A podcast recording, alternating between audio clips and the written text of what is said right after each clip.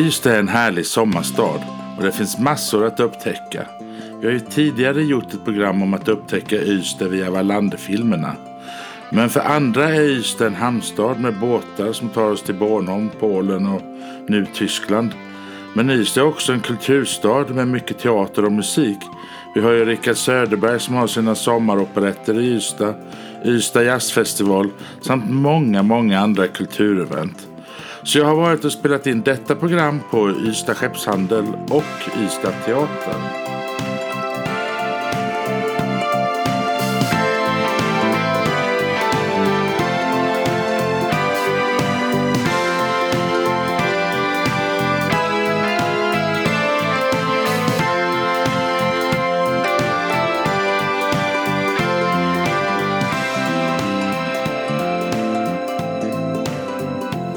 Det finns flera saker som är unikt med Ystad Skeppshandel. Men för mig är doften av kära det som får mig att återvända gång efter gång. Skeppshandeln är i mångt och mycket också ett museum med massor av föremål från gamla båtar som kanske idag blir mer inredning eller stylingdetaljer. Men skeppshandeln har även allt annat du kan tänka dig behöva som båtägare. Följ med mig när jag pratar med Jakob och Jens Olsson som driver butiken.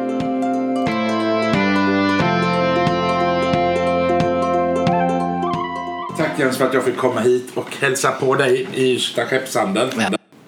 Det här är en, eh, du är ganska ny som ägare. Stämmer, stämmer. Det var bara två år sedan nu som jag tog över. Så det är, eh, men eh, tiden springer iväg fort märker man. Det känns som att det var ett halvår sedan bara man stod här helt ny och hade ingen aning om vad grejerna var här. Hur vågar man, hur vågar man sig på en sån här sak? Att, att, att köpa en skeppshandel och faktiskt driva den som en sådan också. När man är så pass ung som du är. Ja, alltså det är, jag är ju jag är uppväxt i eh, företag eh, i princip eh, och det är det enda jag vet sedan jag var liten. Så eh, det har ju alltid varit eh, en grej att eh, jag har velat driva företag när jag blev stor så att säga och det är i princip det enda jag vet. så eh, när det, jag letar efter någonting att, att göra själv och driva eget. Jag, när jag jobbade, i, jag jobbade i butik innan. Eh, och så kom detta eh, fram egentligen som en liten överraskning att detta var till salu. Och eh, vi har ju båt i familjen så vi har ju varit här ibland. Och min bror jobbar till sjöss eh, och min farfar jobbar till sjöss. Så därför så kände man att på något sätt så gav det lite trygghet att man ändå hade lite anknytningar till den marina miljön. Och sen så kände jag här inne att eh, här var mycket jag ville göra när jag kom in. Jag kände att ja, men det kan jag göra så och där kan jag göra så. Och då, när man börjar få sådana idéer om ett ställe då känner man att detta är, eh, detta är nog rätt. Eh, Man ska, väl, man ska väl syssla med någonting som man tycker är skoj. För då går man ju aldrig till arbetet. Nej, precis. Det är ju så. Det märks ju inte att man jobbar utan det, du bara har roligt de Ja, dagarna. Upptäcker du nya grejer här hela tiden? Det gör jag, garanterat. Du, det finns ju en hel del historia bakom för den här byggnaden. Kan du berätta lite om den? Absolut. Det var ju, huset byggdes som ett varmbadhus. Jag tror det var mitten 1800-tal eh, ungefär. Och sen var det ju, det var varmbadhus i nästan eh, 100 år tills man byggde nya fritidsbadet eh, längre bort. Och det invigdes. Och då så köptes det av eh, Claymans som gjorde sen Claymans mekaniska verkstad här inne. Eh, och så var det mekanisk verkstad i kommer inte ihåg riktigt hur många år. Eh, men jag, jag tror att mina föregångare köpte det någon gång på mitten av 90-talet. Om jag inte minns helt fel. Och eh, gjorde om det till skeppshandel sen. Eh, och sen då drev det i skeppshandel i, i många år.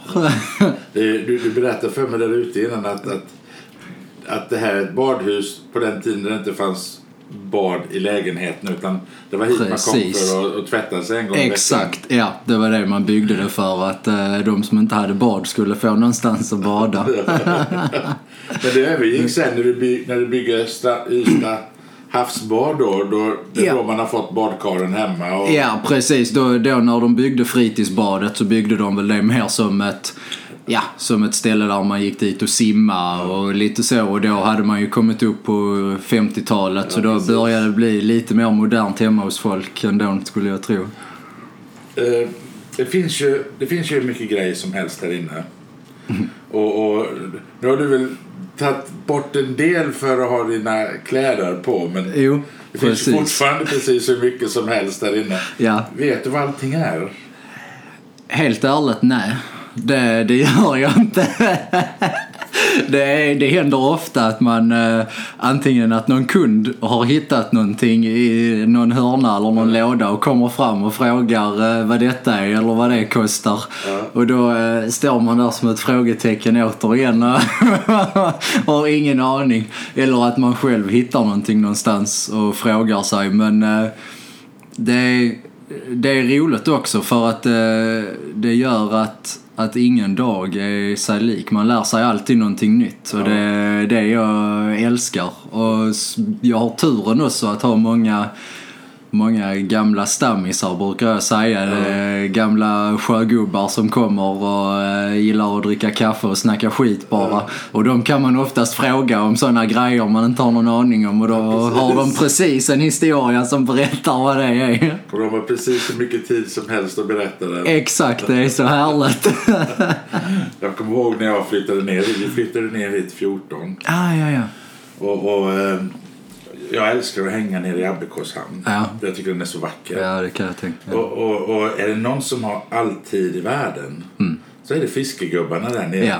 De har aldrig bråttom. Oh, nej. Och de kan berätta om precis hur mycket som helst, Ja. hur länge som helst. Så man, det är ju en skola utan dess like och, och sätta sig och prata med Ja, ja. Och det är så härligt. Eh, är det alltid salu i butiken? Ja, samtidigt eh, som man älskar det så är man ju också lite eh, businessman ju eftersom man driver eget så allting är ju till salu till rätt pris som man brukar Ja. säga. Eh, sen är det ju klart att eh, Ibland när man säljer vissa grejer så gör det lite extra ont i hjärtat ibland eh, som man själv har gått och siktat in sig på. Eh, Du så- har, väl, du har väl egentligen ett, dubb, du har väl ett dubbelt ansvar här. Du har, du har en butik att sköta. Ja. Men du har ju lite av ett museum i, i butiken samtidigt. Precis, det är ju så. så eh, och, och de föremålen som man är extra rädd om det är ju, så det är ju ingenting som man eh, säljer Alltså för vilken summa som helst Nej. eller till vem som helst utan det, alltså vissa grejer är man ju väldigt hård på. Eh, att eh, får man verkligen inte det man vet att det är värt så är det ju inte, säger man ju nej för att det är ju så så mycket av det andra, alltså av det nytillverkade och kläderna och det som har lite rullians, så mycket av det säljer vi ändå så att de antika grejerna kan verkligen hitta sitt riktiga hem om man säger så. Det måste ju vara svårt att hitta nya antika grejer. För att det, det blir Mm. färre och färre. Du berättade att du hade köpt ytterligare en skeppshandel. Ja, precis. Vi köpte ju Skillinge eh, skeppshandelsgrejer eh, ett tag efter vi hade tagit över här. Och, han, och då var det ju ett stort parti. Och det var ju samma där som egentligen eh, Lasse och Stina som hade detta innan. Eh, att de har ju egentligen samlat på sig under 50 år av deras liv. Så det var ju två väldigt stora samlingar som vi hade turen att, att köpa och, och smälla ihop. Så där, med dem, vi sa det när vi köpte, eller både, både Leif som hade Skillinge skeppshandel och Lasse har sagt det att med de, deras två samlingar ihop så har vi ju den största samlingen i hela Sverige och i princip Skandinavien på marina gamla antika grejer. Och det känns ju häftigt när man, när man hör det men helt rätt som du säger, det är, eh, man märker det blir svårare och svårare Och hitta och nytt. hitta eh, nytt som är gammalt. Det är det. Eh, Det kommer in folk som vill sälja men oftast så är det det, det blir färre och färre och, och man märker att eh, eh, mycket, mycket slängs nog tyvärr. Eh, för att jag tror att mycket av den yngre generationen ser inget värde i det. Och när de städar ur boenden från deras föräldrar eller farföräldrar så är, kan jag tänka mig att det är mycket sånt som hade varit värdefullt som Precis. åker, tyvärr. Men så är det väl med alla gamla grejer idag, tyvärr. Så är det säkert. Så är Ja. det säkert. Jag tänker att mycket av de här grejerna sätts inte tillbaks i båtar längre utan de blir, de blir eh, eh, dekorationer i hus och hem. Och, Precis, det är ju så. Vi ser ju en ganska stor övergång nu. Att eh, de som kommer in och säljer marina grejer nu och vill bli av med det är ofta samlare som liksom har detta för att samla på sig och, och vill ha en komplett samling och har ett genuint intresse i marina grejer. Men ofta ska flytta från hus till lägenhet och kanske inte plats att ha ett helt rum med bara marina grejer längre. Eh, men de som köper det i sin tur sen är ju ofta eh, den yngre generationen om man säger så som, är, som ska ha det som inredning istället. Eh, det är ju väldigt vackert. Ja. Så det, det är ju, och det är ju alltså mässingen och den patinan och det, ja, det är riktiga härliga jag, jag älskar ju, jag sa det till dig när jag kom in här, jag älskar ju doften här inne. Ja. Den här kärdoften, alltså den, den är ju... Mm. Den är väldigt speciell. är eh, fantastisk. för vår. Ja, det är den verkligen. Och det är, kära är ju lite roligt. Vi brukar säga det antingen så hatar man det eller så älskar man det. Jag har många som kommer innanför dörren också och hyser på näsan och undrar vad det är som luktar här inne. Men eh, 99% är ju här inne och älskar det ju. Ja, Eh, och bara går och luktar. Du sätter den på paus här. Ja. Ja, vi, har- vi har fått eh, besök Precis. av, av storebror tror jag va? Exakt, storebror. Stämmer. Ja, jag är en av de få lillebrorna som får vara chef över storebror. Men du är ju inte här, du är ju inte här hela tiden har jag förstått. Nej, precis. Jag jobbar till sjöss också. Så eh, jag är här sex veckor och sen så är jag ute till sjöss sex veckor. Så jag står ut med att Jens är chef när jag är här. Det är, det är ganska skönt att inte ha ansvar. Men har du, har du samma alltså, eh, har du samma förkärlek till till till eh, ja, men till de gamla gamla prylarna och gamla grejerna liksom det, för det måste vara därför ni, ni hoppar in och köper en sån här Jo, men det är det väl. Och det är alltså... Eh, intresset för allt som har med sjöfart att göra har Ja. egentligen alltid funnits. ja. Eh, sen så är det ju klart att eh, just för det antika så har ju intresset växt i och med att vi köpte det här. Ja. Eh, så kan vi ju säga. Ja, Eh, helt klart. Men ett grundintresse har ju alltid funnits. ja. Ja. Nej, he- hemsidan är ju under utveckling ja, just det. och den är väl en väldigt bra verktyg för er och, eh, just för att folk ska hitta er. Precis. När planerar ni att släppa den? Förhoppningsvis, planen var ju egentligen i främst för, eller i början eh, första december, men den gick i kross. Eh, så nu är eh, nästa planen är att den ska bli klar i februari. Ja. Det är, egentligen så är den den är i princip färdig. Det är, det är fraktlösningen som vi håller på och, och, klurar med. För det kommer ju bli en webbshop i den nya hemsidan. Och det är ju Eh, där kommer ju vara mycket av vårt antika sortiment eh, ute för att visa vårt utbud. För mycket av de antika eh, grejerna säljs ju till eh, danskar, tyskar, norrmän eh, och svenskar. Alltså från Stockholm, Göteborg, eh, större städer. Och där är ju inte frakten eh, jättelätt att lösa för att där är inget föremål som är likt andra och väger Nej. lika mycket och är lika stort. Så det, här är, det är där vi eh, sitter fast så att säga. Eh, lite, men vi har, eh, vi har hjälp som, som gör den åt oss så att säga. Och de tror de har löst det nu. Så därför så hoppas vi att den blir klar nu de närmsta veckorna så kan jag sätta mig och, och fota och lägga in alla 7000 grejer. Jag kan tänka mig, ja, ni, har, ni arbetar ju idag en hel del med sociala medier. ja. Eh, och sen har jag sett, ni gör lite annat också för att attrahera kunder hit. Ja, det är ju, eh, vi försöker ju ha lite kundkvällar och eh, lite andra engagemang för att engagera sjöfolket runt om i både Ystad, men Simrishamn och Abbekås och alla närliggande. Eh, Just speciellt nu på denna tiden av året eh, när det annars är mörkt och trist och båten är uppe på land och sådär för att få folk att, eh, ja men alltid känna Känna ett uh, nära till havet, eller vad man Ni ska ni säga. har haft föreläsningar också bland annat va? Precis, ja. Eh, Så vi försöker, på många av våra kundkvällar har vi försökt att blanda med, med nöje och, eh, och fakta, så att Ja. säga. Ja, precis. Eh, Så då försöker vi blanda med en eh, som föreläsare som kommer då, som har, ja, kan ha varit med om någonting roligt. Vi hade bland annat BG från Snårestad som har varit med och byggt Ostindiefararen. Och sen har vi Tommy som är stammis här som är chief på Gladan och Falken. Eh, och ja, lite andra sådana roliga. Och så blandar vi det med någon från våra leverantörer som kommer och pratar om rep eller eh, beslag och andra grejer. Eh, Hur ser framtiden ut för er nu då? Ja, framtiden är ju eh, eh, att vi ska bli en eh, bli mer moderna samtidigt som vi är eh, väldigt gammeldags. så där, eh, därmed så spelar ju webbshoppen en roll. Vår tanke är att eh, kunna nå ut till eh, alla i princip i hela Europa med vår webbshop. För som det är idag så är vi ju väldigt kända i Tyskland och Holland för vår butik. Ja. Ehm, Och vi får förfrågningar hela tiden om folk som eh, ska slippa resa ena vägen hit bara för att köpa någonting. Så det är det som är tanken med framtiden att, att vi ska ha, kunna ha vårt sortiment och online också för alla egentligen att kunna handla.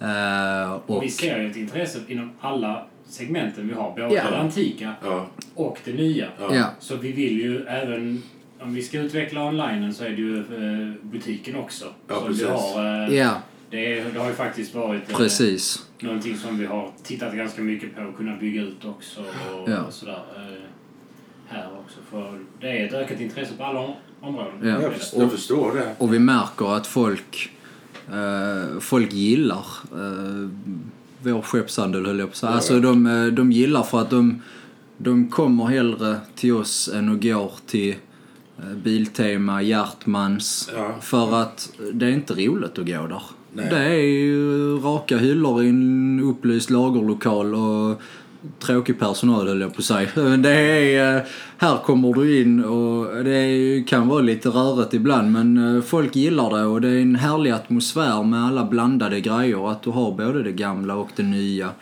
Och ett genuint eh, intryck när man kommer in. Jag tror det finns en romantik i det här. Liksom jag, Mm. jag, jag blir ju salig bara jag kommer in och öppnar dörren och känner doften. Ja, För, precis. för, mig är, för mig är ju det är de här små grejerna som blir så viktiga Mm. när man går in i, ett, i en sån här butik. Bara för att, jag vet, åh kära. Precis, exakt. Det är han såld. Det finns en anledning till att den ligger. Ja, precis.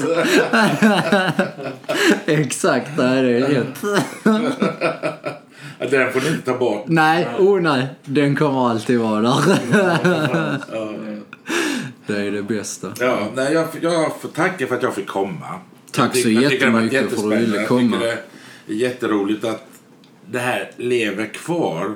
Och att det lever kvar Tack så så mycket. un, unga människor som er som ja, kan driva det under, under en längre tid istället för att man känner att höra. det här är lite historia. Man blir ju rädd.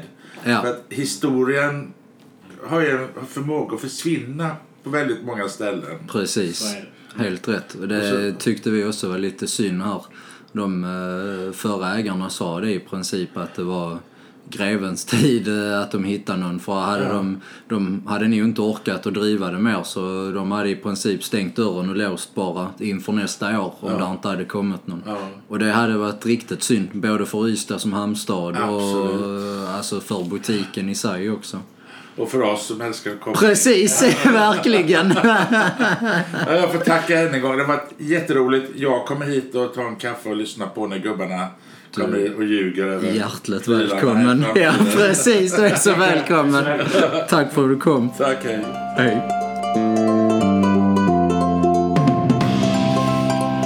Ystad som teaterstad är ganska unikt. Det finns inte många städer med så få invånare som har en egen teater. Och den är aktiv. Den är mycket aktiv. Det känns verkligen speciellt när man kommer in i själva teatern. Som om att man kommer vara med om någonting riktigt unikt. Historiens vingslag gör varje besök där unikt. Jag fick träffa teaterns VD Thomas Lantz för att fråga ut honom om teatern.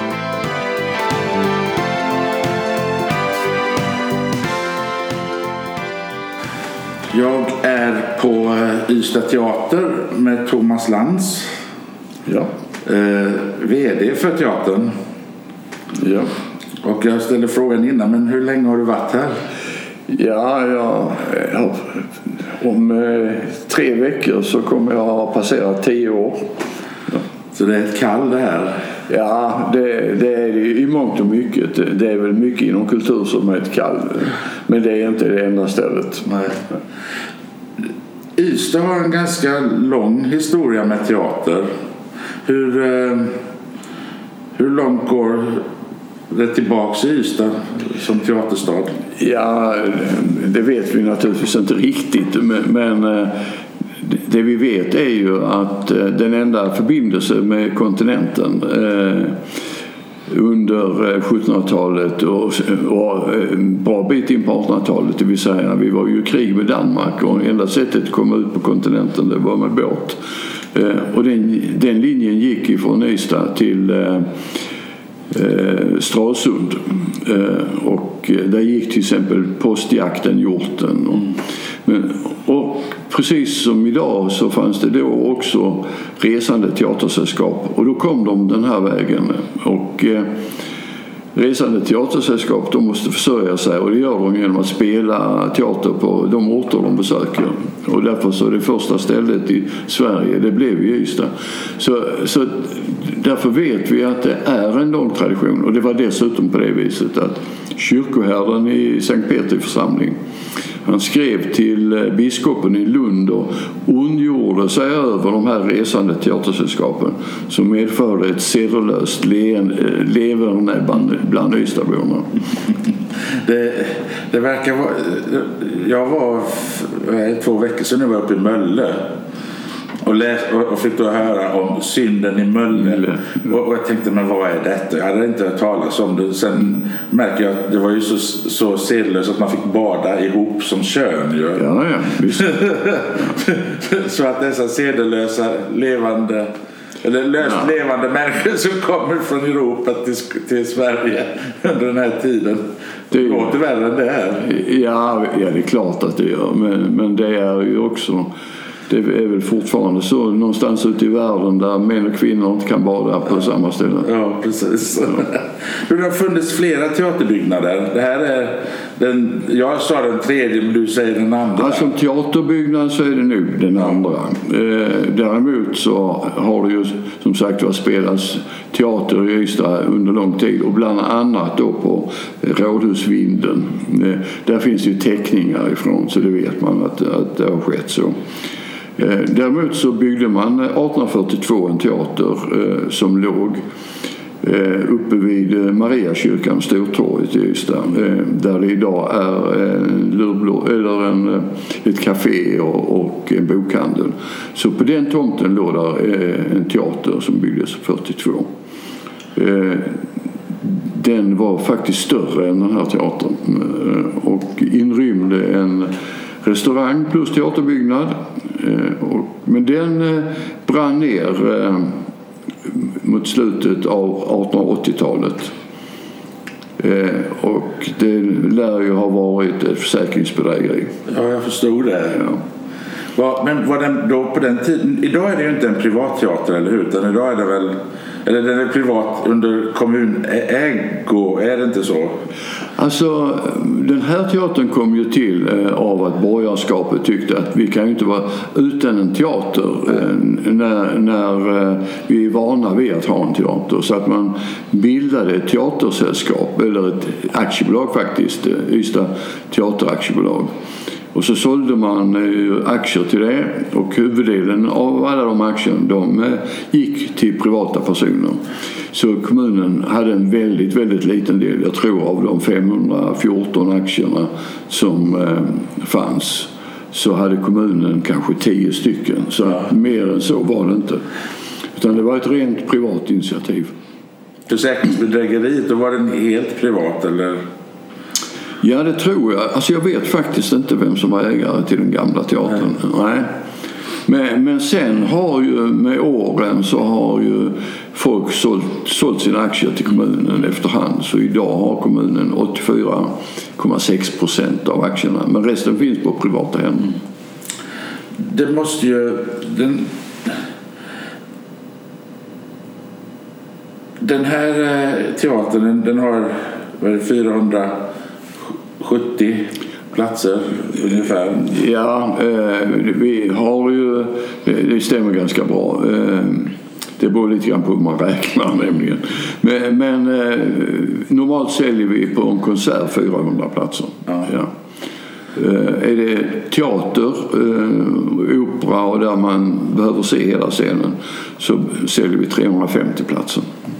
Ja, för det finns något som heter lyssnarplatser här och det hade jag ingen aning om vad det var. Jag kunde fundera eller gissa vad det var men det är alltså man hör men man ser inte. Nej, det är rätt. Det är eh, när man byggde teatrar förr så hade man inte samma eh, metoder som idag och se till att alla kan se scenen och liknande. Så att det finns ett eh, rätt stort antal platser, eh, kanske de 70 då ungefär där man definitivt inte ser scenen utan där får man bara sitta och lyssna och njuta av musiken.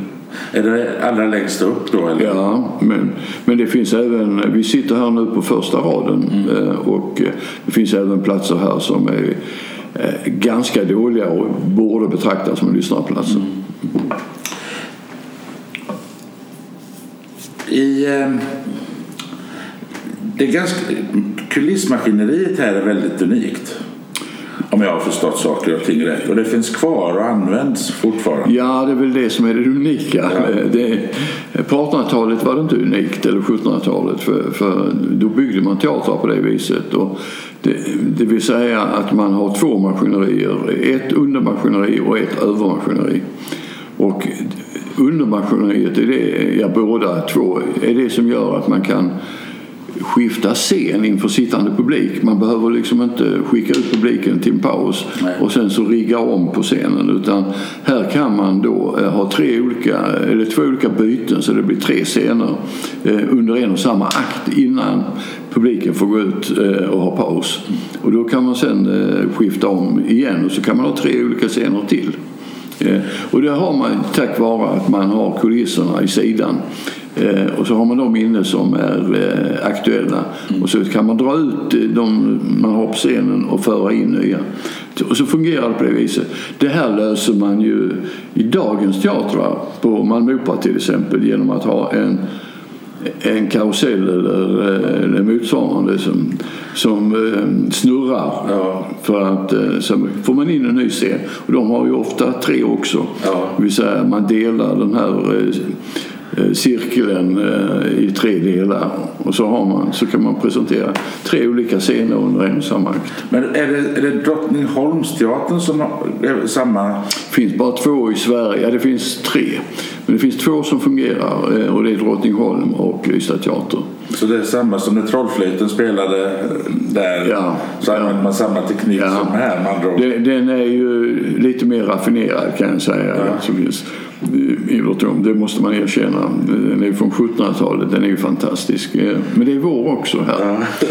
Eh, det går åt åtta personer att sköta den eh, under föreställningen. Så därför så kan man inte använda den så ofta för det blir ganska dyrt. Ja. Men hur, hur ofta använder? Så när jag tittar på programmet så är det oftast en engångs engångskonsert Ja, eller ja, ja. uppträdande Absolut, här. absolut. Det, det är inte så ofta ni har... Nej. Det är, eh, men den, alltså, att använda hela eh, maskineriet, det har man inte gjort sedan 1994 eh, när man renoverade till 100-årsjubileet. Däremot så delar av den har vi använt eh, genom åren. Man, där man kan låta primadonnan komma från underjorden upp på scenen eh, under föreställningen till exempel. Och då är det ju inga konstigheter. Däremot så, vi har ju varje sommar eh, en operettsäsong med 12 föreställningar med Rika Söderberg i spetsen. Och eh, inför årets operett som inte blev av, Askungen, då var det planer på, eller då var det tänkt att vi skulle använda undermaskineriet. Ja. Så det gick om inte. Men det kommer tillbaka nästa sommar och då kan man få vara med om något väldigt unikt Ja, det... genom att se det igång. Sen finns det andra sådana, den typen av maskineri på Gripsholms slott till exempel. Men eh, den används inte, den får inte användas. Den är någon slags väldigt skyddat byggnadsminne och eh, det har bara använts en gång sedan det byggdes eh, och det var nog på ja, 1600-talet eller något sånt där och då var det kungafamiljen som spelade för sin pappa. Men, men det måste ju, den här måste ju skötas, den här måste ju renoveras och repareras allt som oftast för att den ska vara Det, det, ja, den, den blev väldigt nedgången genom åren. Eh, Alltså, i början på 1900-talet, en bit in på 1900-talet, eh, så blev det helt omodernt att ha sådana här. eh, Och, och sen, sen förföll den eh, och man använde det som lagerlokal och liknande. Men, men till 100-årsjubileet så återställde man den så, och renoverades. Så att den går idag att använda. Ja. Det, det är spännande. Ja. Hur används teatern? eh, Hur, hur har den använts under alla åren? Jag förmodar att man arbetar annorlunda idag än man gjorde förr i, i teater. Absolut. Ja. Eh, den lever ju inte ett eget liv, teatern, utan den lever ju med i samhället eh, och samhället förändras ju. Idag så är ju, vill ju människorna underhållas. Eh, man vill inte ha djupa saker som man måste fundera på. Vad innebär det här? Och och så vidare. Utan man vill ju verkligen underhållas. Därför så är ju också huvuddelen av det som händer på scenen är ju musik. Eh, och eh, för alla som tittar på Melodifestivalen så ser man ju vad är det som styr allting. Ja, det är ljus eh, i olika former som gör att man får illusioner av någonting helt annat många gånger. Man kan tro att de går på väggar och sånt där. Men det är ju hela tiden ljus. Och så är det ju också eh, på konsertscenerna. Eh, Ljus och ljud är ju det som är det viktiga idag och därför så är det ju utbyggt väldigt mycket på scenen. Det finns ju en atmosfär i en sån här teater som du aldrig får på ett konserthus. Alltså man, man går in och så känner man historiens vingslag. Ja. Jag brukar alltid säga det, vi säljer inga biljetter, vi säljer upplevelser. Ja. Och upplevelserna börjar i dörren. Eh, eh, Den börjar till och med två steg utanför dörren för att de här stora stenarna som är på trappen eh, som man går upp på det var grundstenar i den gamla teatern. De, de tog man tillvara och flyttade hit ner.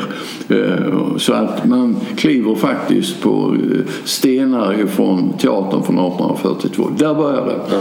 Och sen så kommer man in och då, då handlar det om att få ett bra, vänligt bemötande eh, av all personal. Känna att det är familjärt vill jag påstå. Och sen så ska man kunna äta och dricka gott. Och sen så ska man kunna komma in i denna fantastiska salong. Ja, eh, och uppleva liksom att bara sitta i salongen. Och sen förhoppningsvis få någonting bra på scenen. Hur, hur, eh, jag ska gå tillbaka till huset här lite innan vi börjar gå in på upplevelserna. Men vem ritade huset? Hur, var han en, en arkitekt som ritade teater tidigare? Eller? hur? Eh, Ystad var ju en liten stad på den tiden. Det var ungefär 7000 invånare. Och, eh, bara den tanken att man eh, bestämde sig för att bygga en sån här stor teater Ja. eh, är ju fantastisk. Jag tror inte man idag med 30 000 invånare hade byggt eh, en motsvarande teater. Det skulle nog mycket till. Det går bra med Hamburgs tempel men, eh, ett kulturtempel är- inte lika lätt tror jag inte. Eh, Men i alla fall så eh, hade man en, för första gången en stadsarkitekt. Och det tror jag också Ystad var tidiga med. Eh, Som hette Peter Boysen. Han var dansk prästson. Eh, Och han hade under sina studier, eh, han var naturligtvis utbildad i Köpenhamn, men under sina studier hade han tillbringat ett år i Italien. Och det märks ju när man tittar, i synnerhet om man tittar in i det fina kaféet. För där hela hans Italienstudier eller hans eh, fascination för Italien, det har han fått utlopp för där när, han, när han har ritat eh, själva eh, kaféet. Nej, jag tror bara han ritade en teater, det var den här. Och han fick uppdraget av borgarskapet som då hade bildat bolaget. Och han åkte ut i Europa och blev inspirerad av två teatrar. Eh, Det var Schauspielhaus, det vill säga ja, teater, eh, ungefär motsvarande i, i Leipzig eh, och den i Berlin. Den i Leipzig, eh, Leipzig den blev eh, utraderad under andra världskriget, finns inte. Eh, Men jag har sett bilder och vykort ifrån den och, och det är väldigt likt Ystad teater. Och sen i Berlin, eh, den finns men den är helt omgjord och det beror väl på att den var väl väldigt skadad efter, i samband med andra världskriget. Så det, där kan man inte känna igen sig på något sätt. Men det inspirerade honom till att rita teatern och det tog honom bara två månader att göra det. Ja, den är, jag tycker den är, den är mäktig när man kommer in. Man, man, man känner den här historiens vingslag här inne verkligen när man Ja. kommer in i teatern. Du, eh, på tal om historiska vingslag. Eh, jag hör ryktas om att det spökar i teatern. Ja, eh, det, det, gör det ju på alla teatrar. Det hör väl till teatervärlden misstänker jag att det ska spöka. Eh, jag har själv inte sett några spöken. Men, men däremot, och det är väl ingen annan som har sett några heller. Men däremot så har det ju hänt saker och ting som är oförklarligt. eh, Där man liksom eh, en, en spis som helt plötsligt har, har stängts av eh, utan att det har varit några andra människor närvarande. Och, ja, det är, det är lite om man har hört dörrar som går och liknande. Ja. Men man vet inte vem det ryktesvägen skulle vara i så fall. Nej, men det är inte hans Tugge Järegård i alla fall. Nej. Och ingen vaktmästare eller... Nej, ja, det skulle man kunna misstänka. Vaktmästarna bodde ju här i huset. eh, Så att eh, ibland hävdar man ju det. Eh, Jag tror ju det är en kvinna, en snäll. Så att eh, vi vet inte Det är riktigt. bra, det är bra med snälla spöken. Ja, ja, de är de bästa faktiskt. Idag har ju inte teatern ett eget teatersällskap kan man väl inte säga. Nej, har aldrig haft. Du har aldrig haft det? Nej.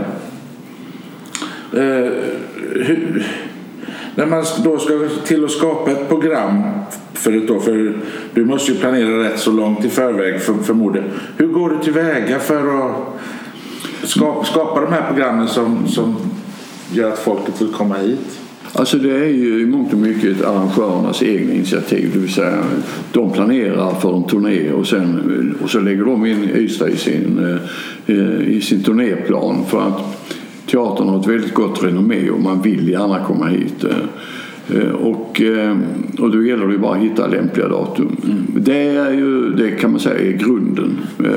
Sen, och det är ju samma sak med Ystadrevyn eller Rika Söderberg och och operetterna. Att de vill göra det här och de vill göra det på Ystad Teater för, för att det är så fantastiskt fint. Men sen finns det ju ett område som kanske inte riktigt täcks. Eh, Eh, Och då, då har jag ju möjlighet att ta initiativen att eh, till exempel få hit någon klassisk ballett eller eh, de vad vi kallar för nära konserter, det vill säga stora artister kan, får vi aldrig hit av det enkla skälet att det blir för dyrt. Ja. Ja. Eh, Och, och, och, och för få i salongen så det går inte att finansiera. Men, men då eh, har vi, eh, jag och, Charlotta Blom som var kulturchef, vi har utvecklat ett koncept där artisten tillsammans med en musiker, om det nu är en sångerska eller sångare, då har de en konsert som vi kallar nära, det vill säga man får möta artisten eh, på ett intimt sätt, eh, familjärt sätt där de berättar lite grann om sig själv och samtidigt eh, kanske spelar de och sjunger de visorna de sjöng på sitt flickrum när de drömde om att bli sångerska. Plus egna låtar och allt det där. Och det har ju varit stor succé. Och det är ju sådana som vi själva köper in då. Eller även teatersällskap och Shakespeare Globe är väl den som är mest berömd som eh, vi har haft här fyra gånger. Mm. De spelar bara på Ystad Teater i Sverige. Den är den som spelas på engelska va? Ja, mm. men det är fantastiskt. Det är fin teater det är, och dessutom på engelska, vilket ju inte är så svårt för svenska. Sen är sen svenskarna är lite rädda för, jag tror det är gammaldags Shakespeare-engelska, men, ja. men den är väldigt lätt att förstå faktiskt. Så att ja, så, går det så. Men det är ju inte sån här gigantisk framförhållning som på Malmö Opera där man måste kanske planera eh, tre, fyra år i förväg för att sätta upp en musikal eller en opera. Nej. Eh, utan vi ligger ju med, det vi gör nu för tillfället är, nu är det lite speciella tider, men man kan säga att vi håller på att fylla våren nu. Eh, och, när vi kommer sen hösten här så börjar man fylla upp hösten också, vilket i och för sig pågår hela tiden. Men, men, men det, det är ungefär det tidsschemat, ett, ett halvår i förväg i alla fall. Ni har väl ett, ett samarbete med Riksteatern? Ja, Riksteaterföreningen här eh, har ju sitt program som man lägger och, ja. och genomför här på teatern och på andra ställen också. Sen är det ju tre saker, du har ju nämnt en av dem, men, men det finns något som är väldigt unikt här och det är väl jazzfestivalen ja. och, och operascenen här med, med Rickard Söderberg ja. mm. som, som inte finns någon Nej, det, det, är ju så att eh, om vi börjar med det sista eh, så Rickard han drömde ju om att skapa eh, en operettscen, göra Ystad till ett operettstad. Eh, och det får man nog säga att han, har gjort. Han har ju inga problem att sälja ut 12 föreställningar till exempel. Eh, och han har nog varit här i fem år tror jag. Så att det är ganska bra och det kommer ju att fortsätta. Eh, och det är ju fantastiskt. Eh, dessförinnan så hade vi något som hette Ystadoperan. Så då var ju eh, Teaterhuset var ju känt för att vara en opera dessutom. Mm. Så att eh, man pratade om operan i Ystad, eller Ystadoperan. Eh, sen är det jazzfestivalen, den eh, var jag ju själv en av initiativtagarna till och startade 2010. Så att... Och, och den är ju fantastisk. ni får ju hit alltså de finaste, bästa ja. jazznamnen som går att ja. plocka ja. Ungefär så, ja absolut. Och vi är väl egentligen den enda riktigt internationella jazzfestivalen i Sverige. Det finns ju Umeå och Stockholm där man har även internationella artister. Men vi har en internationell publik. Alltså ja. publiken kommer hit också. Och det är klart, vi har ett gynnsamt läge. Är det, är det Århus jazzfestival som flytt, liksom, när den la ner så flyttades den hit? Ah, du vet, nej, det, nej, det tror jag i och för sig inte. Men, men alltså, vi försökte inte konkurrera ut den. Men, utan den var väl på nedgång redan då. Ja, innan vi jag var där och lyssnade på Chicoria ja, och, ja. och massor. Men här är så jag tycker det är otroligt hur mycket fina namn ni, ja. får in. Ja, det är bra. Men det är väldigt mycket Jan eh, Lundgrens förtjänst mm. Eh, med sitt kontaktnät inledningsvis. Men sen har ju jazzfestivalen sitt eget renommé och varumärke vilket gör att man vill verkligen komma hit. Ja. Ja. Ja, det, sen finns det någonting som heter Ystads stående teatersällskap. Ja. Eh, det var ju så att eh, den första, konsert, den första teaterföreställningen på Ystad Teater var ju den eh, 12 februari 1894. Och då var, eftersom det fanns ju inget teatersällskap här, då kom Malmös stående teatersällskap hit och spelade. Ja. Och de hade ju faktiskt, de körde två pjäser. Eh, en pjäs första dagen och sen nästa dag så körde de en annan pjäs. Så det var, det var lite kul ju. Ja. Eh, Och när man då eh, teatern chanserade och gick ner så hade vi en teaterdirektör som hette Bo Frostmo. Eh, och han tog initiativet och att, och han såg liksom potentialen i teatern. Och, eh, han tog initiativet att samla in pengar för att renovera teatern och återställa den i ursprungligt skick. Så att man mer eller mindre stängde teatern i två till tre år. Eh, och så renoverade man upp den och gjorde vi under maskineriet och så vidare. Eh, och sen på årsdagen, eller i alla fall dagen efter årsdagen, så öppnade man teatern igen och släppte in Ystadborna. Och då mötte de här inne eh, en teater som 1700-talsmänniskan också hade mött. Ja. Det, så det, vill säga, det var samma dekorer, det var samma färger och man hade återställt det man hade fördärvat genom åren och, och så vidare. Eh, så det blev någon slags återupplevelse kan man säga.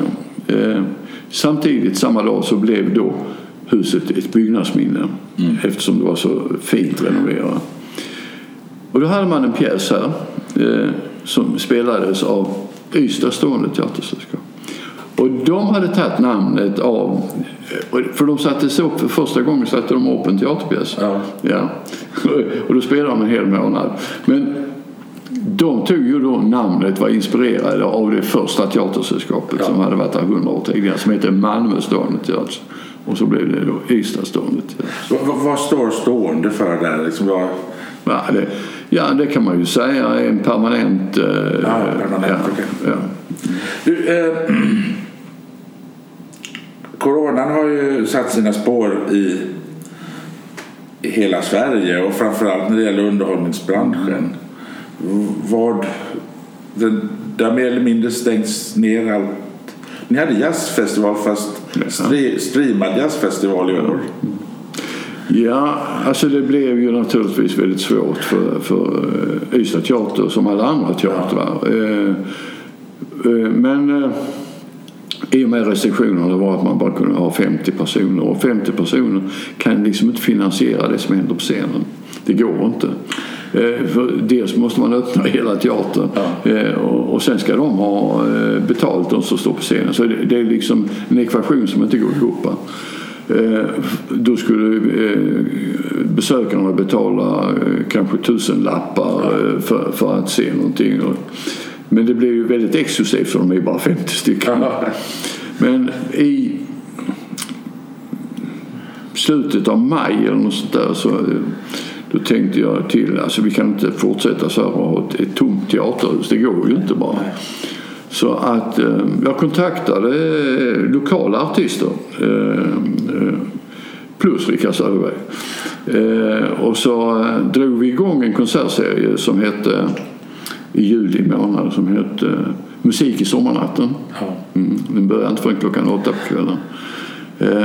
Och vi körde sju föreställningar. Vi hade fem utsålda med 50 i publiken. Och, och det lyckades vi finansiera genom att eh, eh, artisterna och vi, vi kunde dela på entréerna. Eh, De accepterade det. Tjänade lite mindre men de fick ändå uppträda och fick in pengar. Och sen la vi in mat i biljetten också. Ja. Det var liksom nödvändigt för att det skulle kunna rulla runt. Så det gjorde vi och då fick vi testat det här med 50 i publiken. Ehm, så att när jazzfestivalen kom då i början på augusti, eller slutet av juli, så eh, hade vi 50 i publiken här inne. Men vi hade väldigt stor publik utanför eftersom vi filmade, det vill säga streamade hela, eh, alla konserterna på teatern streamade vi. Så att eh, på det viset fick vi över 10 000 besökare på jazzfestivalen. Ja, Det är rekord. Hur ser du framtiden nu med, med eh, post-corona så att säga? Ja, det, det finns ju väldigt stora orosmoment eh, naturligtvis. Det ena är för det första så måste man ju, när släpper restriktionerna helt? Nu är är det ju på gång att förmodligen, jag tror att det är ganska troligt att vi får eh, en 500-gräns. Eh, Och sen så handlar det då väldigt mycket om avståndet mellan eh, sällskapen. Och regeringen så hade ju inledningsvis sagt 200 eller 2 meter och då då hade det inte haft någon betydelse. hade vi bara kunnat haft 50 personer. Men, men däremot så Säger man nu en meter bara, då blir det helt annorlunda. Då kan vi ta en publik upp till 200 meter. 200. Och eh, det tror jag, jag tror det kommer att landa där, för det var Folkhälsomyndighetens rekommendation. De två meter kommer ju egentligen från att eh, om man är en kör som ja. sjunger, då ska man ha två meter mellan var För det, det, är mycket farligare än någonting annat att stå och sjunga. Ja, precis. Ja. Men eh, så att om det, och att vi får besked nu i tid, då tror jag att vi kommer att ha ett ganska bra program i höst på Ystad Teater. Som börjar då i oktober månad. Eh, vi ligger i startgroparna för det. Eh, många av våra arrangörer de avvaktar lite grann för att se. Men vi har hittat lösningar på mycket och vi har redan fina artister på väg in. Så att eh, det kommer att bli en bra höst. Men vi hade ju många utsålda föreställningar och de är flyttade. Och det är inte en gång de har flyttat utan de har flyttat två gånger. Och det finns till och med en som flytt, ska nu flyttas för tredje gången.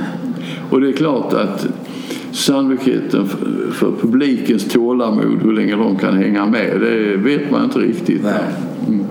Sen, sen det andra orosmomentet är ju liksom hur kommer publiken att reagera? Det finns ett uppdämt behov med underhållning och allt det där och få göra någonting. Men det finns också många som är oroliga. Och när släpper den så att de börjar gå på teater och köpa biljetter? Ja. Men är det inte lite så här, alltså, tack vare teatern här så får du en, man ska kalla det, högre kulturell intresse och, och, och, och ifrån staden och omnejden. För att vi vet att här kan vi gå på opera, här kan vi få en bra teaterpjäs och så vidare. Och... Du har säkert rätt. Eh, det är, det är säkert så att det påverkar eh, intresset. Eh, och jag får säga att jag har aldrig mött så stort intresse för teatern som jag möter idag. Det är liksom så oerhört tydligt. Liksom var jag än kommer så ja. pratar alla om teatern och så vidare. Så att, jag är förvånad. Jag är ju nyinflyttad i Skåne. Jag har inte bott här mer än sedan november 14. Men det finns ju teater i det, det är teater i Marsvinsholm, det är teater i Ringe, Lilla Beddinge. Alltså det finns ju... Ja, ja. Och du har, du har liksom konsertställen i, i Sövde. Det finns ju överallt här nere på ett sätt som jag inte har... Eh, jag bodde i, utanför Aneby på 90-talet. Mm. Och, och då lärde man sig om att, lärde vi att varenda liten ort hade eh, en dansbana. Ja. Mm. Och på den tiden då kom Lill-Babs och Hepstars och alla de där åkte runt på alla småorter. Det räckte med att det fanns 50 hus och en dansbana ja. så var de där och spelade. Mm. Och det, på något sätt är det lite så här nere fortfarande att det finns så ja. mycket ställen och det måste betyda att det är så många som kommer och lyssnar överallt också. Ja, det är klart. Alltså, men sen är det ju så här. Eh, Ystad Teater till skillnad från de andra så är vi ju året runt ja, evenemang. Ja. Så att, eh, och vi, har, vi kör ju även på sommaren. Det gör ju inte Malmö Opera till exempel. Men, men, eh, vi har väl inte lika fullt program på sommaren. Eh, för att då är konkurrensen så enorm. Ja. Som du säger, det finns ju överallt. Men det är ju också så att befolkningen växer ju ganska rejält här när det gäller på sommaren. absolut. så underlaget ökar ju betydligt. Ja, så att, Ja. Men det, det, är, det är kul eh, och det visar på att det finns ett kulturellt intresse. Hur, är det, hur ofta är det någonting här en van, ett vanligt år? Är det någonting varje vecka? Eller liksom hur, hur ofta två, två, två av tre dagar. Är det så ofta? Det är, jätte, I, i, snitt, I snitt på året så är det två av tre dagar. Så har vi någonting i huset. Det kan vara en guidad tur eh, i och för sig. Men, men, på stora scenen så har vi ungefär 130 föreställningar. Det vill säga det är en var tredje dag. Det är mycket, är det mycket, jag såg på affischerna här nere, mm. barnteater för skolor och sånt. Ja, absolut. Skolan har ju, eh, barnen i Ystad har en kulturgaranti vilket gör att eh, Och den består oftast i ett besök på teatern. Eh, och då har man olika typer av teaterföreställningar. Eh, ofta är de ju pedagogiska eh, i någon form. Ja. Ja. Vi har ju nämnt eh, Rick, Rickard här, men, men ni har en del samarbete med andra liksom, artister som återkommer hit väldigt ofta. Ja, alltså man kan säga för, för teaterns del så finns det ju tre, eh, tre riktigt stora kunder eh, om man uttrycker sig på det viset. Det ena är då eh, Rika, Kammaroperan Syd och Rika Söderberg med sina operetter. Sen är det Jazzfestivalen. Och sen, och sen är det eh, Ystadrevyn Ja. med Lars-Åke Kristersson. Det är, det är de tre riktigt stora arrangemangen. Sen, sen är de andra enskilda och det finns alltid från lokala eh, artister och musiker som har sina arrangemang här. Men det finns ju väldigt många eh, svenska, eh, stora svenska artister som Ja. kommer hit. Men sen samarbetar vi ju då med Riksteaterföreningen vi har Musik Syd. Eh, sen, och, och kommunen naturligtvis. Eh, och Malmö Opera. Och Malmö Opera är ju vi inte, vi samarbetar inte på det viset att vi arbetar direkt utan det är via Riksteaterföreningen eller via kommunen. Ja. Så att Malmö Opera är ju den som är här ofta också. Jag, får, jag, tänkte, jag tänkte avsluta programmet här nu och tacka att jag fick komma hit. Ja. Och eh, lovar att jag kommer och besöker Det är bra. Det är, flera föreställningar här. ju fler som kommer hit eh, ju bättre föreställningar kommer det bli. Så är det bara. Du, eh, innan vi avslutar, du pratade här med visningar och sånt. Eh, Om man nu som turist skulle vilja besöka och få en visning, hur, hur vet man när de är? Eller måste man Vi, vi har inga eh, förannonserade eh, guidade turer. Vi, vi har försökt men det blir, det blir för lite folk eh, på sommaren. Men det, det kan man ju egentligen alltid pröva att göra på nytt. Men vi har ju gruppresor som kommer så, som man hyr in sig eller föreningar som tar kontakt med oss och så, och så ordnar vi en, eh, en guidad tur som tar ungefär en timme och en kvart eller något sånt där. Då får jag tacka för mig. Tack så hemskt mycket. Tack. Hej.